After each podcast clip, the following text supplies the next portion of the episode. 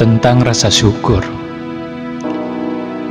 Mudah rasanya mengucapkan syukur saat kita sedang bahagia. Namun, ketika kita sedang merasa sulit, seakan dunia memusuhi kita, sulit rasanya mengucapkan rasa syukur. Padahal, ketika mental kita terpuruk, satu hal yang bisa membantu kita mengangkat semangat kita kembali dalam hidup adalah rasa syukur itu sendiri. Bersyukur karena hingga detik ini kamu masih bernafas. Bersyukur atas penglihatan, pendengaran, serta kekuatan. Bersyukur atas kesehatan tak ternilai.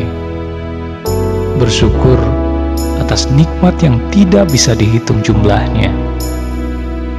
Rasa syukur itu adalah obat atas ketidakbahagiaan. Rasa syukur menghargai apa yang kita punya dan mengalihkan perhatian kita apa yang kita tidak punya.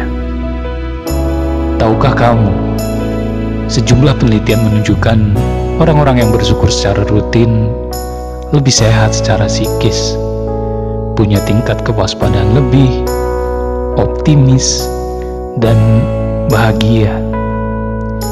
Mereka jadi murah hati, punya welas asih terhadap diri sendiri dan sesama, dan banyak sekali dampak positifnya.